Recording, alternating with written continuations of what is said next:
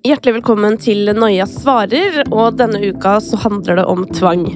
Jeg har lyst til å si tusen hjertelig takk for alle tilbakemeldingene vi har fått på ukas kapittel med Ruby Dagnal, og tusen takk til alle dere som har sendt inn modige spørsmål til oss. Jeg har en følelse av at mange som føler seg alene med tankene sine, kommer til å føle seg en del mindre alene etter å ha hørt hvilke spørsmål som har kommet inn denne uka. Hei til deg også, Karina. Hei, Kristine. Vi skal begynne med en som har sendt følgende melding. Dette er første gang jeg har hørt noen andre ha lignende i gåsetegn problem som meg. Kjente jeg ble veldig glad for ikke å være alene om det. Men jeg lurer på hva jeg burde gjøre videre nå som jeg har en idé om hva dette i hodet mitt kan være. Er psykolog det beste? En psykolog kan hjelpe deg med hvordan du kan håndtere tankene og handlingene dine på en konstruktiv måte, og dermed løse det som blir utfordrende for deg, for å kunne få det bedre. Så psykologfaglig hjelp vil absolutt være anbefalt, vil jeg si. Det betyr ikke at andre faggrupper ikke vil kunne hjelpe. Jeg tenker at det først og fremst egentlig handler om en relasjon. Om å møte et menneske hvor du føler deg sett og hørt, og ikke nødvendigvis om eh, metode. Men så er det også sånn at forskning viser at noen metoder fungerer bedre enn andre i møte med forskjellige typer problematikk, og kognitiv terapi er en av de terapiformene som viser seg å fungere veldig godt for mange som lider under tvang. Mm. Og som også hjelper godt mot andre typer angst. Eh, hilsen meg selv, i hvert fall. Og også andre typer psykiske lidelser. Ja. Ikke sant. Um, vi skal til en annen innsender som selv skriver at vedkommende har vært utsatt for overgrep. Uh, og jeg sier det fordi det har sammenheng med spørsmålet. Det står her uh, av og til så dukker det opp forferdelige tanker. Plutselig kommer det tanker som Tenk hvis jeg egentlig også er en overgriper, og tenk om jeg tenner på barn? Det er jo vanlig at dette går i arv, for eksempel, men dette er jo overhodet ikke tilfellet. Jeg har kontakt med venners barn, og de liker meg godt og omvendt, men jeg ville aldri hatt egne barn, og jeg er kanskje litt redd fordi det dukker opp sånne tanker. Jeg blir kvalm av mine egne tanker, selv om jeg aldri ville gjort noen noe vondt. Dette er vel en tvangstanke? Er det noen strategier for å få disse tankene bort? Kjære innsender, tusen takk for at du har motet til å skrive til oss og sette ord på akkurat akkurat denne tanken, for denne tanken er så utbredt, og den er så skambelagt. Fordi dette, altså Du er jo psykolog, Karina, og jeg tipper at du møter denne type tanker i ditt psykologiske virke. Absolutt. Men sikkert ikke liksom like eh, representativt som det faktisk er, fordi mange tør jo ikke engang å si det til psykologen. Um, men jeg tenker jo at sånn i samfunnet for øvrig så er det ikke så mange som snakker høyt om dette. Og det er interessant, Kristine, fordi vi har jo forberedt disse kapitlene og episodene også sammen, og har snakket om på forhånd eh, Eller jeg har fremmet at jeg ønsket at akkurat denne tanken skulle på bordet. Mm. Den skulle opp og frem, fordi den er så utbredt. Det er så få som tør eh, å sette ord på og fortelle om og snakke om. Det er den ultimate skammen. Dette er en tvangstanke det er definisjonen på en ubehagelig og påtrengende tanke, som nærmest skaper eh, kvalme, ubehag, eh, avsky ikke sant? Alle de vanskelige følelsene som nettopp er signalet på at det er en tvangstanke. Mm. Den er vond. Hva hvis du innsender beveger deg bort ifra at tanken skal forsvinne, men tenker at hver gang den kommer, så kan du møte den? På en måte som gjør det lettere for deg å stå i det. Du er ikke tankene dine, du er den som vet at du tenker. Du er ikke følelsene dine, du er den som erfarer følelsene. Og du kan øve deg på å ta et steg tilbake og observere og betrakte hvordan tankene påvirker deg, hva de setter i gang i kroppen din, hva de setter i gang av følelser, men å observere de heller enn å identifisere deg med de. Og som du selv sier, du blir kvalm av din egen tanke, ikke sant? du kunne aldri forestille deg å handle på den. Nettopp. Dette er en tvangstanke. Det kan også hjelpe å skrive den ned og se den sort på hvitt, og dermed erfare enda tydeligere og sterkere hvordan du faktisk tar avstand fra tanken i handling, og hele deg tar avstand fra tanken. Mm. I det øyeblikket vi forsøker å, å fjerne den, og bli opptatt av å fjerne den, så er vi ute og prøver å kontrollere noe vi ikke kan kontrollere. Fordi du kan ikke kontrollere hvilke tanker som kommer, men du kan kontrollere den måten du møter de på. Så gi slipp på å skulle fjerne tanken, men heller å fokusere på å mestre tanken på en måte som er best mulig for deg, og se det som en anledning til å mestre hver gang den dukker opp. Og da er det ikke sikkert at du blir like redd, og så er det ikke sikkert at den dukker opp like ofte. Vi skal over til et lignende spørsmål. Spørsmålet er, jeg lurer på hva som er innafor å tenke at man skal gjøre. Eh, fordi jeg føler at noen av de uønskede tankene jeg har, er så ille at jeg ikke engang kunne fortalt det til en psykolog. Så her handler det på en måte om at innsender eh, vil på en måte vite hvor går grensen for på en måte hvor eh, drøy tvangstanke du kan fortelle til psykologen din. Men der er det vel ikke noen grense? Det er ingen grense.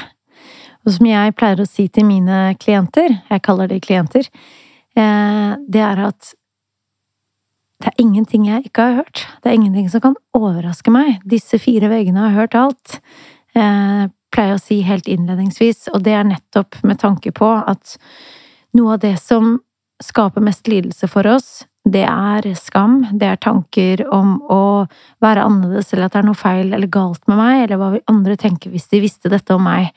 Så jeg tenker at i møte med psykologen så er det en utrolig viktig potensiell erfaring med å kunne sette ord på og dele det du absolutt ikke vil si høyt, eller du er aller mest redd for at andre mennesker skal finne ut av om deg. Men jeg tenker jo også at her handler det mye om kunnskap, da, fordi hvis jeg ikke hadde visst noen ting om psykologi eller Mm. tvang, og noen hadde fortalt meg sånn, vet du noen ganger så tenker jeg at jeg forgriper meg på barn, Mm. så kan det godt hende jeg hadde reagert og tenkt sånn å herregud, liksom, hva er galt med deg? Mm. Så her tenker jeg det også handler nettopp om det å spre den kunnskapen om at bare fordi du tenker det, så det behøver egentlig ikke å ha noe med deg å gjøre. Absolutt. Jeg er helt enig med deg, Kristine. Vi trenger å formidle og spre denne kunnskapen, og gjøre kunnskap om spesielt, tenker jeg, tvangstanker og handlinger eh, mye mer utbredt. Mm. Fordi at det nettopp er så mye mer vanlig enn det eh, mengden Altså det, hvor mye vi snakker om det, sier noe om, da. Det var veldig klønete formulert, men det du prøver å si, er at det er veldig mange flere som sliter med dette, Ja. enn det man skulle tro. Da. Fordi Ja. her er det mye mørketall, nettopp fordi skammen gjør at mange ikke tør å fortelle. Eh, og vi har jo også et annet kapittel, som er nummer 13, med Galvan, som også handler om tvang, og der forteller jo jeg eh, om noen ganske sånn milde tvangstanker fra min side, men som har fått leve lenge nok til at jeg holdt på å gjennomføre store livsendringer, eh, fordi jeg aldri turte å si det til noen. Da jeg endelig turte det, fikk jeg bekreftet at dette er ikke deg, dette er tvangstanker. Mm.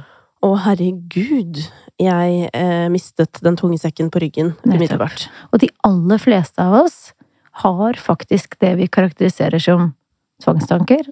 Påtrengende og ubehagelige tanker. Mm. Vi skal over til en som eh, driver og tolker litt på egne symptomer her. Det er en som skriver Jeg har merket at jeg har behov for å telle ting og gjøre ting på bestemte måter og et bestemt antall ganger. Er dette normalt, eller bør jeg søke hjelp, og når blir dette en lidelse? Hvordan oppleves det for deg? Hindrer det deg i å leve livet ditt som du ønsker? Jeg tenker det er der skillet går. Mm. Hvis det legger en demper for deg, eh, spenner ben for friheten din, eh, så tenker jeg at det kan være konstruktivt og hjelpsomt å oppsøke hjelp. Men igjen, da, så snakker vi om kontinumer. Vi kan alle ha tvangstanker, for eksempel. Eller vi kan alle ha oppleve at vi henger oss opp i tall, eller ehm, prøve å komme nok, eller ja. ikke sant? Uten at det vil si at vi har en tvangslidelse. Mm. Så der tenker jeg å gjøre opp eh, til innsender, og gjøre opp en tanke om er dette noe som plager meg, er dette noe jeg ønsker å få noen verktøy til å håndtere på en, på en bedre måte, eh, så er det verdt å oppsøke hjelp. Mm. Og så er det ikke sånn at man skal heller sykeliggjøre på en måte alt man gjør, fordi På ingen måte. Det er jo mye i hverdagen som eh, på sett og vis er ritualer, i hvert fall for meg, eh, og som jeg blir utrolig oppgitt hvis jeg ikke får gjort i løpet av en dag, men det betyr jo ikke at det er noe tvang i det. Det er mer rutiner, tenker jeg, da. Nettopp. Vi skal til en som kjenner seg igjen i mye av det Ruby forteller i kapittelet om diffus tvang, og spesielt dette med tanker som er eh, vanskelig å definere helt klart og tydelig. Innsender forteller om at um, for å dempe tvangstankene, så uh, begynner vedkommende å tenke en ny tanke, og lurer da på om dette blir et mønster hvor man på en måte Hvor tvangen nærmest fostrer mer tvang. Hva skjer hvis du ikke tenker den nye tanken? Blir da mitt oppfølgingsspørsmål.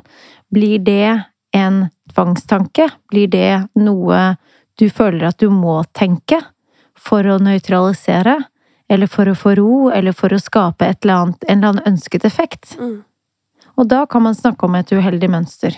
For jeg tenker at det her kanskje ligner bitte litt på det med Ruby eh, når hun bare ville ha det normalt mm. hjemme. At det ble liksom en sånn ting sånn Ok, nå skal jeg bare ha det normalt, men det var ikke for å slappe av og ha det normalt. Det i seg var en slags tvangshandling. Ja, det blir noe tvangsmessig over det. At mm. man må gjøre noe bestemt i møte med. Absolutt. Og igjen så tenker jeg at det er opp til innsender å av, avgjøre om dette blir en tvang, om det blir plagsomt om det blir noe som virker belastende, eller om det oppleves som en konstruktiv tilnærming. Mm.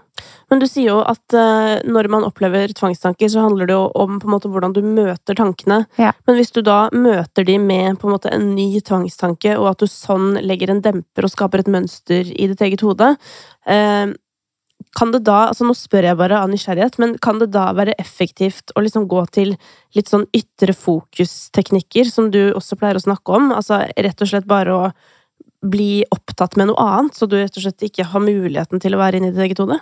Ja, for eksempel. Og, og noe av virkningen ved ytre fokus er jo nettopp å eh, å, flytte fokus over på noe annet, men det er også å flytte fokus vekk fra tankene og da ikke nødvendigvis å handle på de, ikke vie de noe oppmerksomhet, ikke nære de i kraft av en handling eller en, eller en tvangstanke. Mm, og dette er jo sånn type sånn der meditasjon, eh, og det kan jo hende du som hører på, ikke har prøvd det, men der sier de ofte sånn derre kjenn at tanken kommer, og la den fare forbi, eh, og ha fokus på pusten. og det skal jeg hilse og si at det er eh, ekstremt irriterende til å begynne med. Men det er altså noe man kan trene seg litt på og som kan være verdt å teste. Og jeg kan bare melde om at jeg brukte 27 meditasjoner før jeg første gang klarte å la tanken fare. Så det må også øves på. Vi skal til en som har slitt med angst eh, i noen år, og selv har lagt merke til at vedkommende kanskje har noen tvangshandlinger. Jeg eh, må blant annet sjekke at døren er låst flere ganger før jeg kan gå og legge meg, og må sjekke at stekeovnen er slått av, osv., men jeg er ikke helt sikker på om dette virkelig er tvang. Hvordan vet man om det er det? Hvordan virker det på deg? Gir det deg angst? Gjør det deg urolig? Er det noe du må gjøre for å ha ro? Hva skjer hvis du ikke gjør det? Hva skjer hvis du ikke handler på de tankene? Dersom dette medfører sterkt ubehag for deg, gjør deg urolig, og det er noe du føler at du må gjøre, så snakker vi sannsynligvis om tvang. Og så er det grader av det. Um, og det er mange som kan leve godt med en mild grad, eller ha noen tvangstanker eller tvangshandlinger. Det er opp til den enkelte å avgjøre når man ønsker å søke hjelp, eh, når man trenger andre verktøyer for å, for å håndtere det. Mm. Men dette her med å sjekke om døra er låst, og sjekke om eh, stekeovnen er skrudd av, det tipper jeg det er mange som kan kjenne seg igjen i, sånn til vanlig, altså på daglig basis. Eh, og hvis man begynner å kjenne sånn shit, nå har det gått liksom litt vel langt med den sjekkingen, er det noe man kan gjøre sånn på egen hånd? Ja, absolutt. Eh, tenk at du skal handle motsatt av hva tvangshandlingene da, sier deg. Eh, så hvis du føler at du må Altså jeg sier føler, fordi det er ofte Det handler ofte om å dempe et ubehag, i kraft av å gjøre en handling. Mm. Hvis du føler at du må sjekke døren og tenke ok, hva er rimelig? Hva, hva er normalt å gjøre? Hvor ofte sjekker man døren da, eller hvor ofte sjekker man Hvor mange ganger sjekker man at ovnen er skrudd av, eksempel? Eller hvor mange ganger i løpet av dagen, eller når er det det blir unormalt, eller mer enn det jeg vil ønske meg? Og så kan du teste å handle i tråd med det, som er fornuftig, det du eksempel ville rådet en venn til. Og da å stå i ubehaget på kort sikt, og på lang sikt vil det dempe angsten. Og det vil dempe tvangen, altså trangen til å handle på de tvangstankene og tvangshandlingene igjen. Så å minimere tvangshandlingene er konstruktivt. Ofte kan de tvangshandlingene utvikle seg, så det, det, blir ritualer som tar lengre og lengre tid å utføre, for eksempel, og som blir mer og mer voldsomme og tar mer og mer overhånd, og det er lurt å være oppmerksom på. Men det kan alltid reverseres, det vil si at man kan øve seg på å ikke handle på den uroen eller trangen til å, til å um, utføre handlingen. Mm. Vi skal til eh, en eh, innsender her som skriver følgende. Det siste året har jeg hatt mye tvangstanker og handlinger, hovedsakelig relatert til at jeg må få sove om kvelden og natten. For å roe meg ned må alt være perfekt, jeg må vite hvor alt er, nøkler for eksempel, og jeg har ritualer før sengetid, som å riste dyna, ha vannflaske tilgjengelig og sjekke at ytterdøra er låst, selv om jeg er fullstendig klar over at den er det. Jeg vet at eksponering kan være løsningen på å slutte med alle disse ritualene, men jeg tar meg selv i å mislykkes eh, med å stå imot trangen til å fikse på ditt og datt når jeg ligger i sengen for å sove. Gang på gang hopper jeg ut av sengen for å sjekke ting, skamfull over å ikke stå imot og bare bli liggende. Fra tidligere behandling vet jeg at denne angsten man kjenner når man står imot, kun er på kort sikt, mens på lang sikt blir man klar over at man faktisk kan få sove uten å først eh, fjerne matrester i kummen på kjøkkenet, dra ned i do fire ganger for å være sikker på at det er gjort, eller sjekke utallige ganger at alarmen på mobilen er stilt inn riktig. Mitt spørsmål dreier seg vel egentlig om er antagelsen min korrekt? Burde jeg bare bli liggende helt til jeg kanskje sovner kveld etter kveld? Dersom man skal støtte seg til kognitiv teori ja. Jeg tenker at nå vet du hvordan det virker på deg, eh, innsender, eh, å handle på tvangstankene sånn som du gjør nå. Eller tvangshandlingene og tvangstankene. Eh, og hva hvis du tester noe annet? Hva kan skje da? Og da på kort sikt så møter du ubehaget. På lang sikt så betyr det at du ikke gir næring til angsten, og så vil den roe seg. Og I forlengelsen av dette så skal vi over til en annen innsender som har drevet litt eksponeringsterapi, f.eks. For i forhold til å kjøre alene i bil i tunnel, eh, og gå over en bru eh, hvor det er langt ned, osv. Eh, men vedkommende lurer på hvorfor det tar så sjukt lang tid å få effekt av eksponering. Det handler om at vi møter et system som først og fremst er bygget for overlevelse, og det er vår alarmberedskap, det er angsten. Eh, og det har bygget seg opp en sånn falsk angst eh, som setter, setter i gang full alarm. Kroppen og hjernen vår har lært at dette er farlig. Mm. Da må vi avlære det, og den avlæringen tar ganske mye tid. Mm. Og det hjalp meg veldig, fordi um, i um, første sesong av Noia så snakka vi jo en del om på en måte det fysiske og hva det er som faktisk skjer i kroppen. Uh, og når du fortalte oss at det er noe som heter amygdala, altså det er en ekte bit av hjernen din som er fryktsenteret, og som da aktiveres maks når du har angst. Altså det er på en måte uh, det, Og det er vel en sånn del av hjernen som er litt sånn dyreaktig. Uh, den er ikke så lur, på en måte, eller den skjønner ikke så mye. Så den tenker jo alltid at tunnelen er farlig. Så du må jo på en måte lære den noe helt nytt. Og amygdala, en mandelformet størrelse som sitter tett på hippocampus, som er en annen struktur i hjernen som man tror er involvert i hukommelse, og der sitter mange av minnene.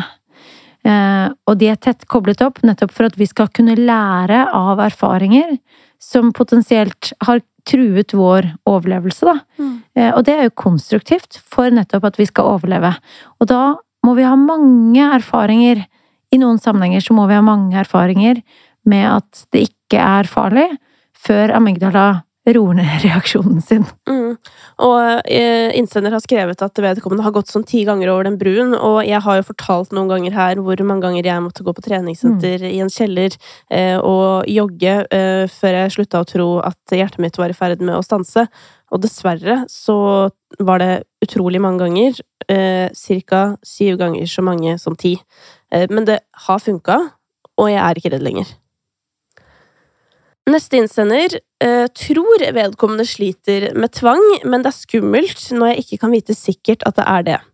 Det står videre her jeg har hatt litt forskjellige tvangshandlinger som har utviklet seg eh, til for eksempel at jeg må snu på veien fordi jeg er redd for at det ligger noen i veikanten som jeg har kjørt forbi. I tillegg så er det tankene. Jeg har hatt litt seksuelle tanker som det er ekkelt å snakke om, Jeg tror egentlig ikke det er sanne, men av og til når jeg er rundt det som tankene er om, så kan jeg føle noe. Jeg vet ikke om det er at jeg spenner meg, eller nesten holder pusten litt, men jeg blir da redd for at dette bekrefter at tankene mine er sanne. Jeg liker helst å unngå situasjonene, men så oppsøker jeg dem av og til for å finne ut om dette er sant eller ikke. Jeg er en person som bekymrer meg mye, og som ikke klarer å legge bort tanker, og det er vondt å ha dette hengende over meg hele tiden, i frykt for at det er sånn, og i frykt for å si det til noen. Hva tenker dere om dette?